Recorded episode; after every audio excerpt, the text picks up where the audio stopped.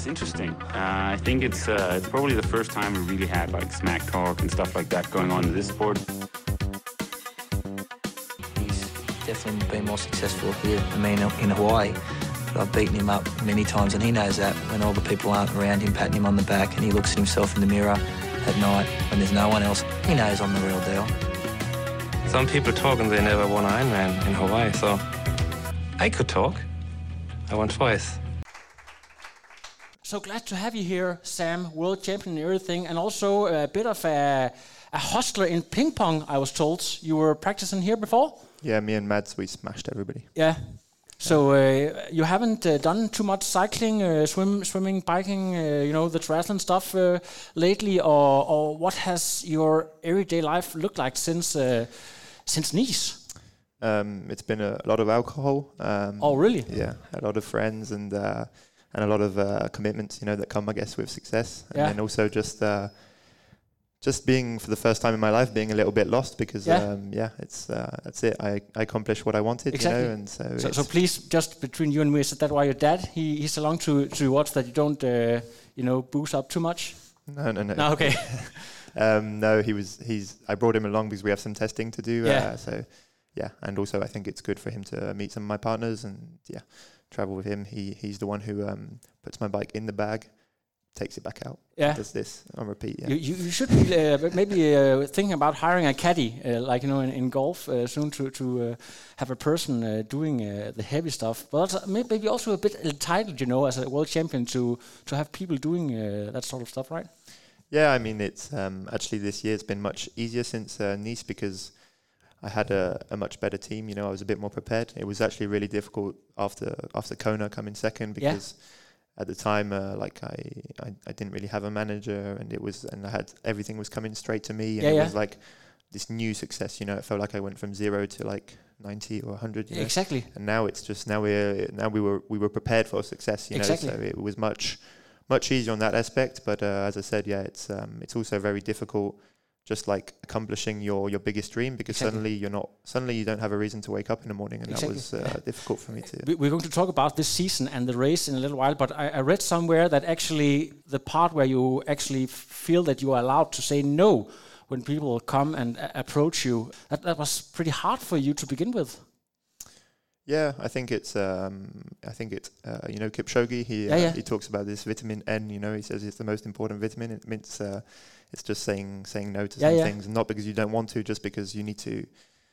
You can't give parts of yourself to everybody, you know, Yeah, all the time. Otherwise, you go to bed and just feel empty, you know. Exactly. And uh, last year after Kona, I definitely had some periods where. I would finish my day and, and just be be in tears almost because I was so empty after the after having. Exactly. I felt like I'd given too much to me, you know, to- exactly. to other. To, sorry, not to me, to other people, and Yeah. yeah, so just trying to protect yourself a little bit more. But um, this is all these are all subjects that are actually really difficult nowadays with with social media and stuff. And yeah, on the one hand, you want to um, on the one hand you want to promote the sport and, and make it bigger and kind of show everybody an honest image of your an honest representation of yourself. But uh, equally, when you do that, you're also kind of exposing your your fragilities. You know. Yeah. So yeah. But but uh, a funny thing is that uh, Magnus, for instance, going into uh, to the World Championship, came from huge success in in Roth. Couldn't go anywhere. He was swarmed by people. Uh, if he stopped just for a little while, he wouldn't be able to leave for hours. You, on the other hand, flew completely under the radar. So, you, so did you actually feel that you could do what you want, more or less? So you didn't have to think too much about wh- what to do with yourself uh, leading up to the race? Yeah, I mean, still the World Championships uh, when you have uh, like big sponsors and stuff, it's Yeah. still very difficult to to completely fly under the radar. But I definitely think people had kind of forgotten about me. Mhm. Um, and it, it, all this thing wasn't done on purpose, you know. It's just because I had a bad season. But um, Mhm. it's uh, it, it was good, yeah, because I think. Uh, Lots of the, I think even I saw the the sti- you know the guy who makes the statistics for the race and Yeah, yeah. stuff, and he said that I had a three percent. Oh, it's, it's Torsten, right? Yeah, Thorsten. Yeah, he yeah. said that I had a three percent chance of winning the Yeah. race, and and I, and I felt that was an honest representation given the season I'd Yeah, had, yeah. you know. But uh, But you wanted to prove him, prove him wrong, right? Yeah, I think people forget that I really like my heart and my soul and everything. My my dream is the world champs, and that's, Yeah, exactly. that's it, you know. So I think uh, for me, the other races, even though there are some other big races on the circuit, they're not. They just don't have the same value to me, Yeah. and and I knew that. I think we prepared for something really special to happen that day, Exactly. and, and it did. Yeah. could we talk a little bit about your season because it is absolutely crazy beginning really good. You had a point to prove because you hadn't really won, like, of course, you've won races before, but not professional races on, on a higher level. So you begin with, was it Gran Canaria? You, you won that one pretty, actually, a, a, a quite um, close battle with one of your arch enemies from uh, from your, your time on the Grand Prix on the on the circuit. As far as I recall, was it Matisse? Yeah. Yeah. Yeah. So after Kona, it was quite quite a unique situation because um, suddenly saw everybody saw me as this up and coming kid, and I Yeah, suddenly they were like I had some big big sponsors and and it was great. So that was definitely like appreciated. But then also suddenly everybody expected me to win races, Yeah. you know, and and I'd never won a race. I'd come second in Kona, but I'd never won a single race, uh, like professional race. And um, and so yeah, I felt I felt a lot of pressure because uh, you, do when you have some big people supporting you, big Yeah. sponsors. And um, yeah, I went there to Gran Canaria and actually won won a, a, a race where there was a good level, actually, was some really good Exactly. density because it was the first races of the season in Europe. They often lots of density, and so yeah, I won the race there, which was a good start. And I knew I, I knew I'd had a good winter, like actually my best ever winter. Just I felt like after Kona, I'd almost like discovered this like sixth gear in the car, like a new gear, you know, Oh, yeah. because it just but it was purely confidence, you know, because Yeah. I was like my whole career, I'd only I'd never thought I was that good, and then suddenly you do the race that you kind of had a glimpse of hope that you could do, and so this just brings you confidence. And then every single session, I was just like, okay, I'm good, I'm okay, I'm good. And then this was the whole. I had a really good approach the whole winter, Oh, yeah. and then the first race I won, um, and then we went to Lanzarote, and this was uh, it was meant to be a training race. You know, the level in this race wasn't very Yeah. wasn't too high. Uh, can I? Sorry, I don't uh, want to interrupt you too much, but did you feel that people were a bit skeptical of that choice because, of course, they knew you as a as a guy representing France, of course, want to approach Nice, but but uh, of course, Lanzarote being that tough, tough course, were people doubting that decision that you were going to race uh, Lanzarote? Did, did you feel that? Huh? No, No, I- not really? I, I don't. I, I try and not think about what Okay, other, yeah, other, yeah. Other, other people think too much. Um, but um, yeah, for me also Lanzarote was the, the course that was the closest to Nice on the on Yeah. the Ironman circuit, right? Because you have to still I had to still do one to validate it. Yeah. Um, and so um, so I went to Lanzarote and like we found out uh, three days before that I had a liver infection. Oh, really? uh, yeah, so this was um it's kind of weird because you just think you're okay, but as soon as you try and push your body, you're, Yeah. you're not. And um, but we only knew this. Well, we knew it three days before, but there's nothing really you can do because the only solution is to like flush out your basically whole Yeah. system. And when you do that, you can't absorb carbohydrates how you normally do, Yeah. etc. And, and of course, if, if people followed that race, you were off by quite a few minutes on the bike. Uh, was it uh, Leon Chevalier or who was the guy? No, there was there was Cam Wurf and Oh, uh, yeah. Arthur. My, Yeah, teammate, yeah, e- exactly. But but w- did you feel terrible the the entire way, or or b- because you you actually um, you made the bike, you made the Yeah. the, the sort of bike But course? Yeah, this is what this is the thing is that people like people were saying, oh, he just overpaced it because Yeah, I had a, I think I had a ten minute lead on Cam Wurf after like half of the bike course and something. Yeah. And even my dad, I've- I remember having a meeting after this race where it's a race where I DNF'd, and my dad and me had a meeting, and he was like, "Oh, you overpaced it," and and that, and I was like, "Dad, I can I can hold this power," you know. I just Yeah. wasn't having a good day, and um and it turned out that I could, you know. I just knew I needed to have a good day, and and everybody thought I overpaced it, but no, I was just I had this liver infection, and so during the run, um, I, already on the bike, I completely exploded, and then Yeah. during, so I think I came off the bike second, but people were almost catching me from behind, um, very close to third and fourth, and then I ran for an hour, was kind of okay, and then just suddenly the lights went out completely, and it just became like I think I got basically kind of taken off the course because I was just walking and wobbling and still had 20, 20 plus k to Oh, go. really? So yeah. yeah, so DNF then, and that was was really tough because I was like suddenly, because in my mind I'd only done one good race, you know, uh, which was Kona, Yeah. and then and then you see all these comments saying one hit wonder, Yeah, yeah, whatnot, and exactly. you start you start believing them, you know, Yeah. because People are never satisfied, right? it's not that, but it's just yeah. I mean, there's uh, if you have um, I don't know a hundred thousand people follow you, there's bound Yeah. to be at least ten that don't like you, you know. exactly. Um, but we, yeah, it's very easy to focus on them on them comments, and uh, but even I started believing that I was a one-hit wonder because if you when you've done one proper good Ironman in your life out of seven or eight Ironmans, then you start thinking, oh, maybe maybe it was just luck, you know. Yeah, exactly. And um, but yeah, I, I kept uh, I kept believing, kept the hope up, um, and so then the problem is it was quite a short turnaround to challenge Roth Yeah, exactly. um, with this liver infection. So I knew I went into Roth not with some great training, you know, uh, and it and it showed because I'm, I could keep up with with the world record pace, which Magnus later broke. exactly. But at some point, my body just said stop. Yeah, after 10 kilometers on the run or so, uh, but it's like you you were your legs just disappeared on you. Did you, did you did you feel the tear right away, or, or, or because you, you you ended up finished the race seven forty eight, I believe, or something like that. Not Yeah. too shabby. Seven four, yeah, yeah, Yeah. With, a, with a three-hour. Yeah, plus- a marathon. uh, three, three, three point, uh, 303. I've, I've really been geeking Yeah, out yeah. in here. 303 marathon, uh, basically jogging, uh, yeah. right? So, so that's. Uh, yeah, but I, I, I generally think that is a record, right? The fastest time with a with a over three-hour. Yeah, marathon. yeah. But, uh, yeah. Some somebody uh, must look that up. Uh, but but uh, I, I feel you could be right there. But but then you are under even more pressure because a tear during that race and have to recover. Yeah, so I, it, it wasn't a sudden tear. It was more like I felt a, a cramp and a contraction in my Yeah. muscle, and I kept running on this, and then that it obviously got it turned really bad, and I knew it was bad then.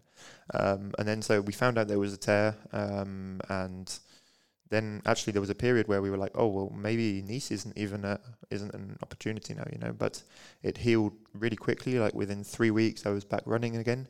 Um, and at the time uh, when I found out I had a tear, I said straight away to the to the PTO that I that I that I had this tear and that I didn't want to I didn't like I didn't want to block somebody from going to these PTO races, Yeah. you know, because they're very exclusive and elitist and uh, and uh, yeah, I wanted to give the next guy in line obviously an opportunity yeah. if I'm not if I'm not fit and um, in hindsight I the turnaround was good enough and I probably could have raced but uh, anyway we made this decision and I couldn't come back because this guy had got accepted into the to the PTO race Yeah. and so um, I was in the UK doing some aero testing and um, and training was getting better. So I decided to do a race in, in Challenge London. Oh, London, yeah. Yeah. The first first uh, what do you call it? The first race of its of of this the challenge brand there, right? Yeah, Yeah. first edition in London. yeah, London. yeah, First edition. But I'd, I'd raced actually in this venue before. Yeah, oh, really? Yeah. yeah and um, yeah, so I won the race there. Uh, just had a very complete race. You know, the level wasn't insane, but uh, that was that was a good race, and I was kind of going back up. You know, um, and then we were like, okay, I'm going to go to PTO Asia. You know, Yeah. because I still hadn't made it on the PTO circuit this year, and um, yeah, it was just the worst trip ever. I got. I spent like on the way there already. I spent 12 hours in the airport, like because the flight got delayed and everything, and then Oh. and then I finally get there, like pretty much a day later, get COVID, stay in my room for three days, Oh God. and then and then basically fly back. But, you know, but honestly, Sam, has anyone who went to that race had a you know decent? If they didn't get COVID, then it's food poison uh, or you know bacteria from the water. So that's just terrible, right? Yeah, yeah, yeah. So that was that was really really difficult for me because um, I kind of obviously I, I hadn't trained with the travel and stuff like this, and Yeah. and uh, and I couldn't. And I tried to start the race, but I was still ill and just couldn't do anything. And and in my head, I was like, "That's it. Okay, the season is is done. You know, Yeah. there's no there's no way." And And and f- and how long is it? th- Three or four weeks from that race three till weeks, yeah, till till Nice. yeah, uh, three weeks, yeah, I think. Th- three weeks. Yeah, three so you, you you are basically we can't even measure how far down you were uh, in terms of expectations uh, towards this race. Yeah, they were they were very low. Yeah. and um, And what about uh, your your coach slash dad, Richard? What was his approach? Uh, he maybe have may have looked at the numbers and have a different opinion, maybe. Well, yeah. The thing is, is like as I said, the winter at the start of the year had been so good that Yeah. we, we knew we had this base, you know, and yet and we definitely weren't at the level we wanted me to be. Yeah. But I was like, we knew that if I could get healthy, we could already save save maybe a top eight or a top ten. Yeah. You know, this is what I thought anyway in my head. And uh, so I, I flew straight from Singapore to Nice, and we had this like the final for three weeks in Nice, um, training with Arthur and just like really having a, a simple kind of monk life, you know, and just uh, eating, sleeping, training. And um, yeah, within three or four days, I got better. Um, and then I, I managed to do a 10, 10 day block really of good training. And there was some snippets of, of hope, you know, like I, I did a few good sessions. And, and so, yeah, but I remember my, my training partner, he hates me for it, but one of the last long runs before, um, I was just like complaining the whole way and just saying, oh, you know, if I come top ten, top ten here would be like that would be a good race, you know. Yeah. I was like, I was, and I kept saying, I was like, come on, mate, top ten in the world. That's that's good, really, when you think about it. You know, it's it's good. You know, and he was Yeah, like, oh, stop it, stop, Yeah, stop. And um, yeah, it's we have a very good partnership because I'm I'm extremely negative in training, and he's extremely positive. So okay, so like yin and yang, Yeah, almost, yeah. almost. Yeah, yeah. Um, a, f- a physical or training like question I have for you. I, I read or heard somewhere that you have a very high sweat rates. Mm. not too salty, but about three liters or so. I've heard uh, per hour. And um, not, I was not there myself, but I heard from other people who raced that it was so so hot. So so how did you prepare for for uh, hydrating and, and cooling yourself? Yeah, I mean it's it's one of the biggest challenges for me in, in Ironman, um, and I'm very dependent actually on how many water stations and stuff there are, Yeah. especially on the bike. So, um, yeah, actually we were lucky because on the bike it was so early and it was quite cool, you know, compared to Yeah. Kona. It's it's very cool the bike, and Yeah. and by the time that the temperature starts to climb, you're on a plateau of a thousand meters anyway, Yeah. so it's cooler. Um, and then, and I think this is actually one of my strengths uh, is is not so much running in the heat, but cool, um, cycling in the heat because I sweat so much. I have like this permanent. Some people, you know, of the air, they they never really sweat, you know. Oh yeah, yeah. So I, I generally believe that I can ride really well in hot conditions. Um, but yeah, that's another matter. And then the run, it's uh, it was amazing because I felt like the mm, how to say it, but the the people at the aid stations they were all French, and I was the first French person like uh, about to win a world champs, and so they were just like so invested at giving me water. Yeah. You know, like it just like crazy. Like Yeah. everybody. Yeah. At one point, it was too much. They, you they could push you. It, fe- it felt like I was going through like one of them car washes. You know. exactly. Have you actually been watching old YouTube videos uh, that wa- that used to be, uh, you know, the old classic uh, race in Nice, Yves Cordier, Yeah. uh, Mark Allen and stuff like that. There's a classic race where Yves Cordier is almost about to win. Yeah. Mm. Mark Allen won like ten times, uh, and then uh, about the last 300 meters, then uh, of course Mark Allen wins one more time. So maybe you had some of these pictures in your mind. well, people don't realize, but that race was one of the one of the reasons why the world champs went back to Nice Yeah. because the mayor of Nice is like a big triathlete and very good friends with Yves. Um, and Yves, this French guy, for the first time led this race for Yeah. almost until the end. And uh, and yeah, so at the start when we announced this race in January in Nice, they talked about this and how it would be amazing if a French person won. exactly. uh, And yeah. uh, what happened? yeah, yeah, that's yeah, exactly. what That's happened, that's yeah. great. Um, I don't know if you want to share too much about uh, details, but uh, there have of course, of course, been some geeks looking at your power numbers, and there's a funny story from uh, the first hill where you allegedly push like 450 watts, and uh, this other French dude called Mignon. I, I, butchered the, Yeah. the French, but uh, Clément, yeah. Clément, yeah, he uh, he uh, lives, of course, all in Nice and know uh, the course uh, very well. But you, of course, have great confidence and strength in your bike, powering up there, 450 watts, and your weight is about 74 kilos, I believe. What went through your head when you see him just rocket it's always the same. Is you have to take some risks, you know. Yeah, and yeah. there was still a big pack of uh, that came out of the water. So Yeah. I just said, oh, in my head, it was like, okay, let's just like let's really push for maybe 30 minutes and then and then Yeah. can't and see where we're at. And so uh, yeah, but he made the first big attack, and it was like. You know, he's like uh It's funny because he looks very much like Julian Alaphilippe, and he, the way he rides is like the same. You know, it's like Exactly. Yeah, like, yeah. snaking up the hill and like so yeah i just um yeah i bit the bullet i guess you have to take this risk and um yeah and then after a while i there was never a moment where i attacked him it's just that um he had some stomach issues i think because Okay, yeah. one of the risks when you go over your ftp like that is that you're you have a lot less blood around your stomach, stomach Exactly. you know and so he just couldn't take on any nutrition Yeah, exactly. um yeah I had an I did an interview after Nice with Magnus and uh, said to him, Magnus, what did you uh, think when you saw uh, Sam just you know putting like three, four, or even more minutes into you on the bike, you know, with people talking about you being the best in the world, and said, I was, you know, um, thinking about.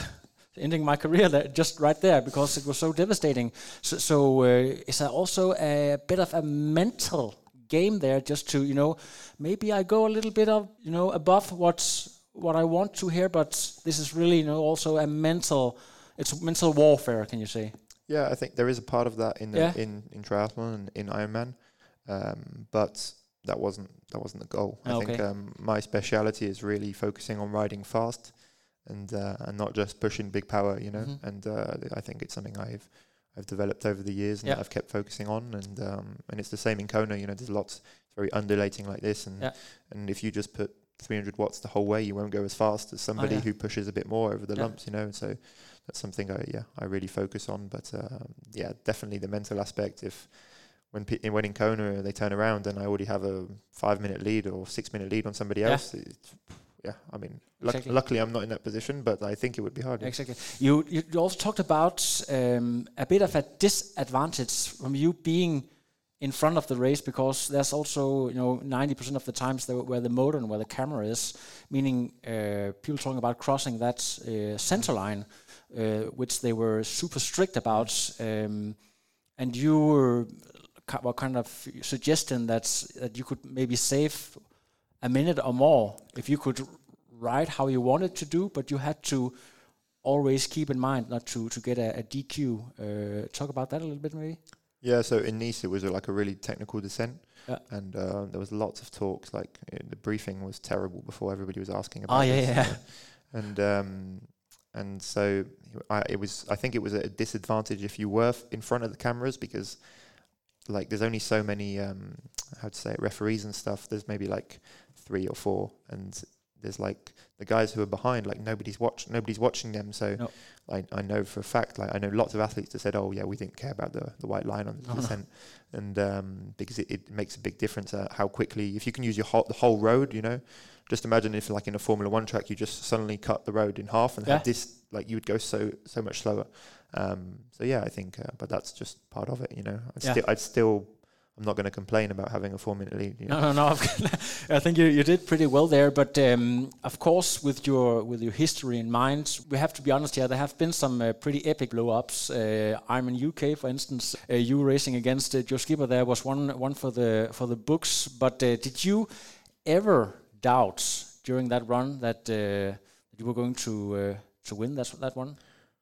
Did I ever like doubt that I was what like was Like- going to win it? uh, that, you, that you were gonna gonna prevail. That you're going to, it- win. like I was unsure until honestly like maybe the last 50 meters because Okay. anything can happen. You Yeah, know? yeah, yeah. It's a, like, you're such in such deep pain at that point that Yeah. you could just like the lights could just completely switch off. Yeah. You know, it's happened to me in the past. Why wouldn't it happen again? So you're never ever sure. Even it's crazy because I had like uh, more than one kilometer and I felt like he was like just there behind me. You know, Yeah. so but yeah, when you're in the race, it's like it's funny because on, from the outside it looks it looks controlled and Yeah. fine. You know, but uh, and it's true. It, it is to some extent. But when you're when you're the athlete and you're right there, it's just it's just painful, and all you want to do Yeah. is is die. Really. Exactly. There's an epic quote from Faris Al Sultan when he won Kona back in uh, 2005. My memory of crossing that finish line, it's completely gone. So, how was that for you? Is uh, do you have you a vivid memory of uh, of crossing that finish line? Yeah, I have vivid memory. Um, Yeah? When I got asked like what was the main memory, the main thing I remember was just not believing it. So you know, like the, all them them ten minutes afterwards, I'm just going around to everybody saying, "What the fuck?" You know, like, yeah. like, like I, I just don't believe it. You know, that was that was what what I was saying to everybody because it's something that I pictured so many times, my whole life pretty much. That I just you know I envisioned it like while I was training and stuff and and it was it wasn't real obviously when I was imagining it and so now suddenly it happened you know so in my head I'm like well is this just is this just another you know is Yeah, this yeah. just another thought yeah and there's a Please there's, wake me up now if Yeah. yeah, yeah. yeah but that's always what people say isn't it but there's like uh, on what the French press on L'Equipe which is like the big channel it was on and they, they were like how do you feel right now and I said I don't I don't I don't believe it I don't know. And he was like no but how do you feel? I was like I just told you I don't know. I don't know. Yeah. Have you ever experienced, you know, when you are extremely tired and you, of course, uh, you speak uh, fluent uh, English and, and French, that uh, you get the language mixed up a little bit when you are super, super tired, or or does that never happen? Uh, what? Well, when, when the sports press, for- English sports press, American sports press, French sports press, come and ask you questions uh, from every angle and direction that you sort of get confused, so that never happens. No, because I think on well here anyway, you're so high on adrenaline anyway. Yeah. That, yeah. But most of the time, I was pathetic. I was just crying. to be honest. Oh, I, I think you are you are very entitled to do that. A very funny thing uh, I um, I saw was that not too long after that World Championship, you did what every other person who grew up on a farm or a family business was doing. Straight back to family business and uh, being supporting the Bearman Triathlon. So, so that I think that tells a, a big story about you. That uh, the first thing on your mind is to to go back to family business and uh, and support that local race, which your I think your your is that mo- your mother who is Yeah. the arranger. yeah, yeah, mostly mostly my Yeah, yeah. mum. Yeah. Um, obviously, my dad has a big role as well, but Yeah, yeah. Um, my mum is is the boss, and um, yeah. But it was that was actually really tough, yeah, because it was like you just won the world championships, and the, the next morning, like I had like we had to empty the apartment, and like but I had all these commitments and stuff, so it was a real organization, you know. There was like Yeah, uh, yeah. yeah, yeah. So it was. Uh, and then straight back, and then suddenly, yeah, it's Very humble humble experience. Very humble experience there, and it's funny because the people like didn't even like the people at the race didn't really understand like why I was there, you know. Yeah, yeah, yeah. but um, yeah, it was it was all part of part of the plan, Yeah. uh, yeah. But al- also that was it was tough because I felt like I didn't get the chance to really, you know. Yeah, yeah, to uh, really uh, you know party like you wanted to do. yeah, yeah. So Yeah, yeah. instead, I yeah, I'm still partying. Yeah. Yeah, yeah. Of course, you have to spread it out a little bit. But talking about that Bearman race, that's that's actually also another what do you call it turning point of your career be- because were you 17 or 18 when you when you raced that the first time and, and, and won? Yeah, I uh, I was yeah 18 I think. Yeah. Um, and I was racing on the French Grand Prix circuit, Yeah, so yeah. only only sprint distances.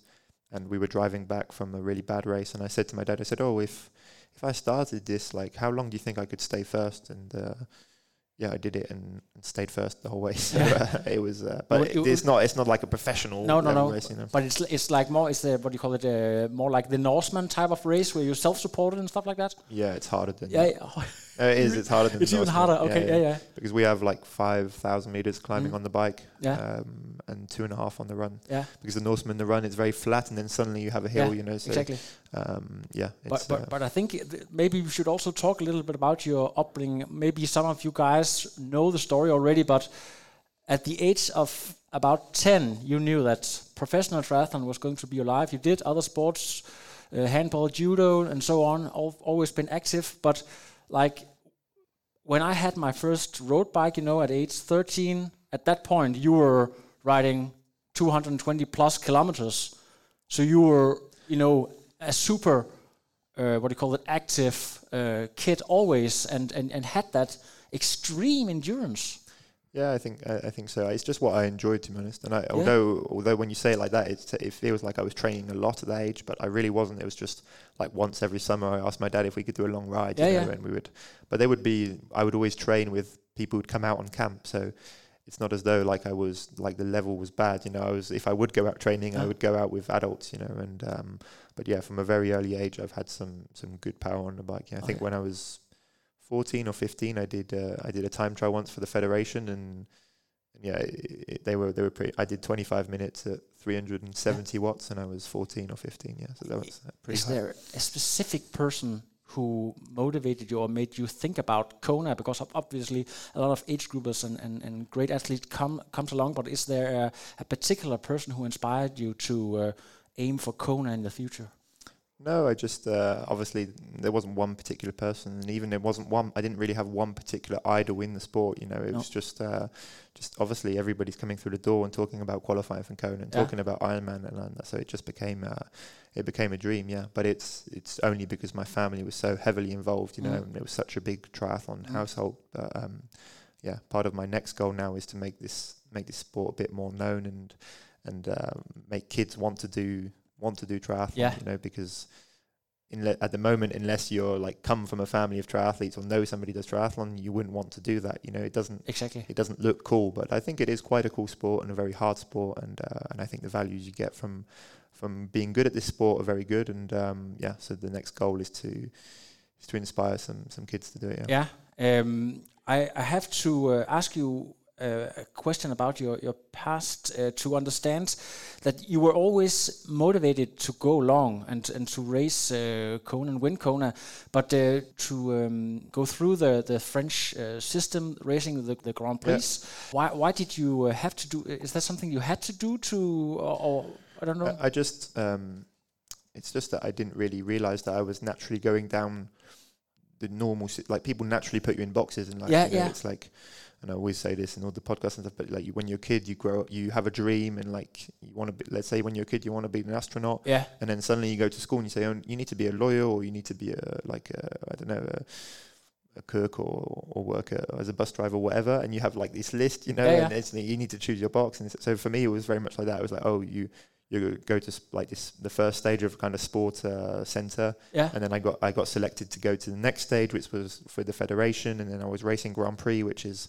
like the the next level in in the sport. And so I just was all I was in all these box like all this normal route that everybody take takes, and um, suddenly when I was 17, I was just I was already at quite a high level. Uh, like I'd been racing Grand Prix since I was 14, so I was the youngest on the circuit yeah. Okay. and this is racing the best guys in the world, you know, like Yeah. uh, Gomez and etc. So um, I kind of I felt like I'd been there and I'd done that, and I remember particularly there was one race where it was in Quiberon in France on the Grand Prix, and I was at the start line, and I just I just didn't want to go in the water. All right. I just? I just didn't want to be there, you know, and so that's when I really started questioning what I was doing.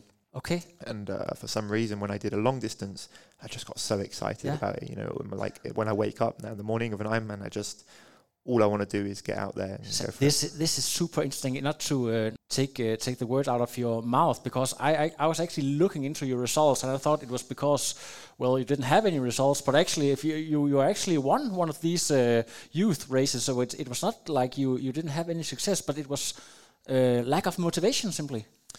Yeah, just not believing in it. I think Yeah. because running's always been my weakness. I just I didn't believe that I could be the best in the world. And from in, in my hmm. eyes, I was like, well, why would I do the sport if I can't be the best? You know. Yeah.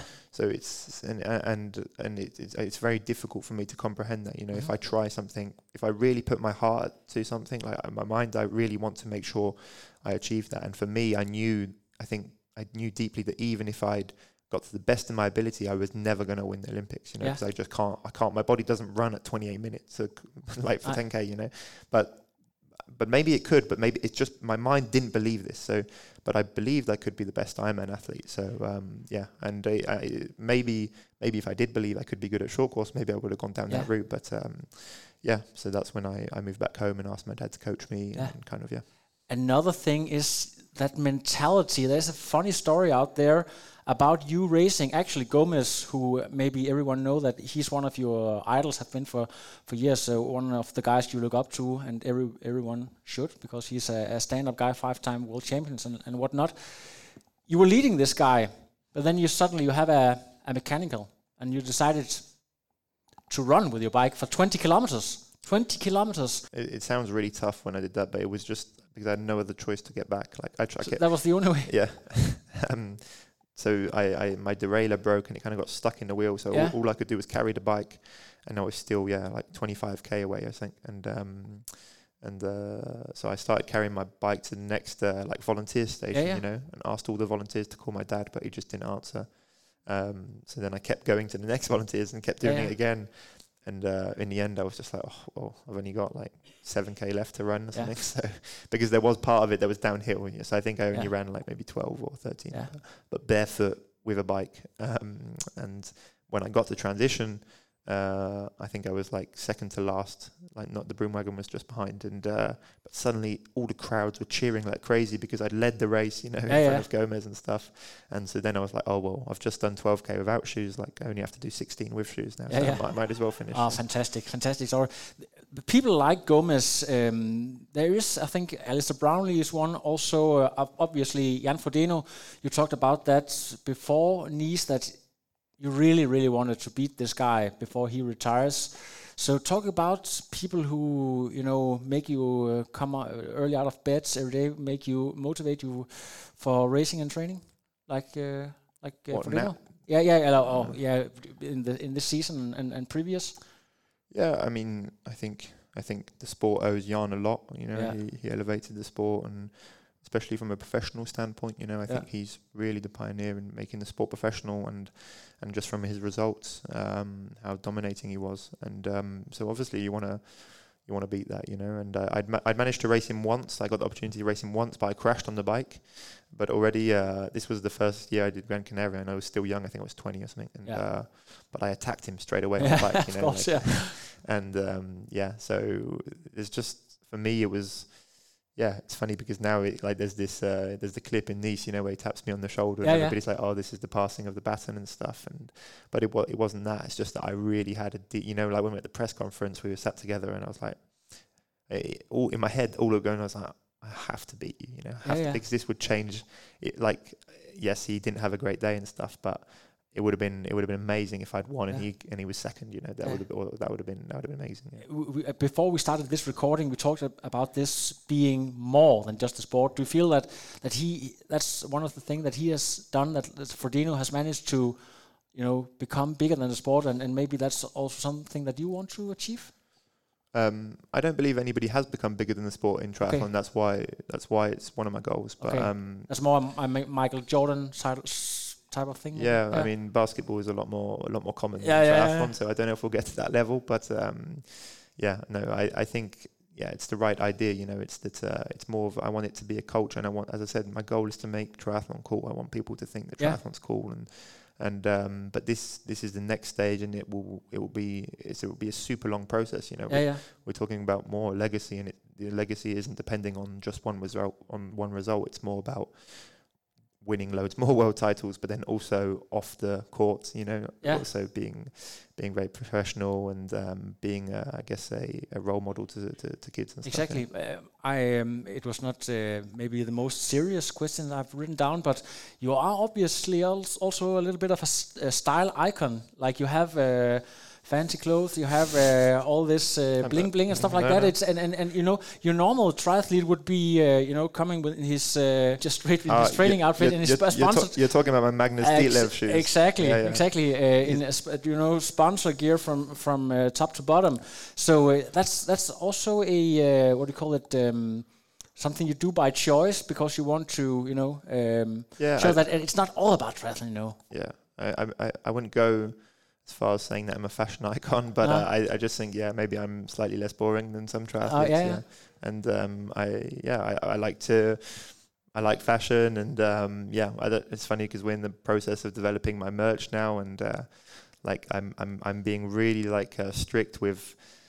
With the clothes, like I want them, I want it to be a brand that's cool, you know. I, I Yeah, don't, yeah. and that people wear even if they don't know anything about triathlon, Yeah. you know. Um, so that's really my, my goal, and I don't just want like just having written Sam Laidlow on a t-shirt, you know, Yeah. because even if you're the best in the world, you're probably only going to get like hundred people who buy a t-shirt uh, Yeah. from Sam Laidlow, you know. So yeah, just trying to be a bit creative with it, you know, and just see. Uh, I think for next year, for instance, there's the with the I hope it, it happens, but we have this collaboration hopefully with uh, Tyler the Creator, who's a who's a musician, a rapper Yeah. in, in US, and we want to design my bike, my Kona bike together. Yeah. So yeah, these are all just things that you know if you if you touch into somebody else's world who comes from like for instance yeah rap, then then suddenly like a few people in the rap industry they they they think oh what's triathlon you know and that's I think slowly slowly by expanding this circle and crossing over the circles that, that I think triathlon will become bigger yeah. Sort sort of the new MC Solaar. Can you, uh, if you have a beat somewhere, can you give Oh. us a little bit, uh, or is it that just too much on the? I don't know where this reputation's come Okay. from, but I generally can't rap or I can't do no. I'm not. I'm, I can't sing. I can't rap. But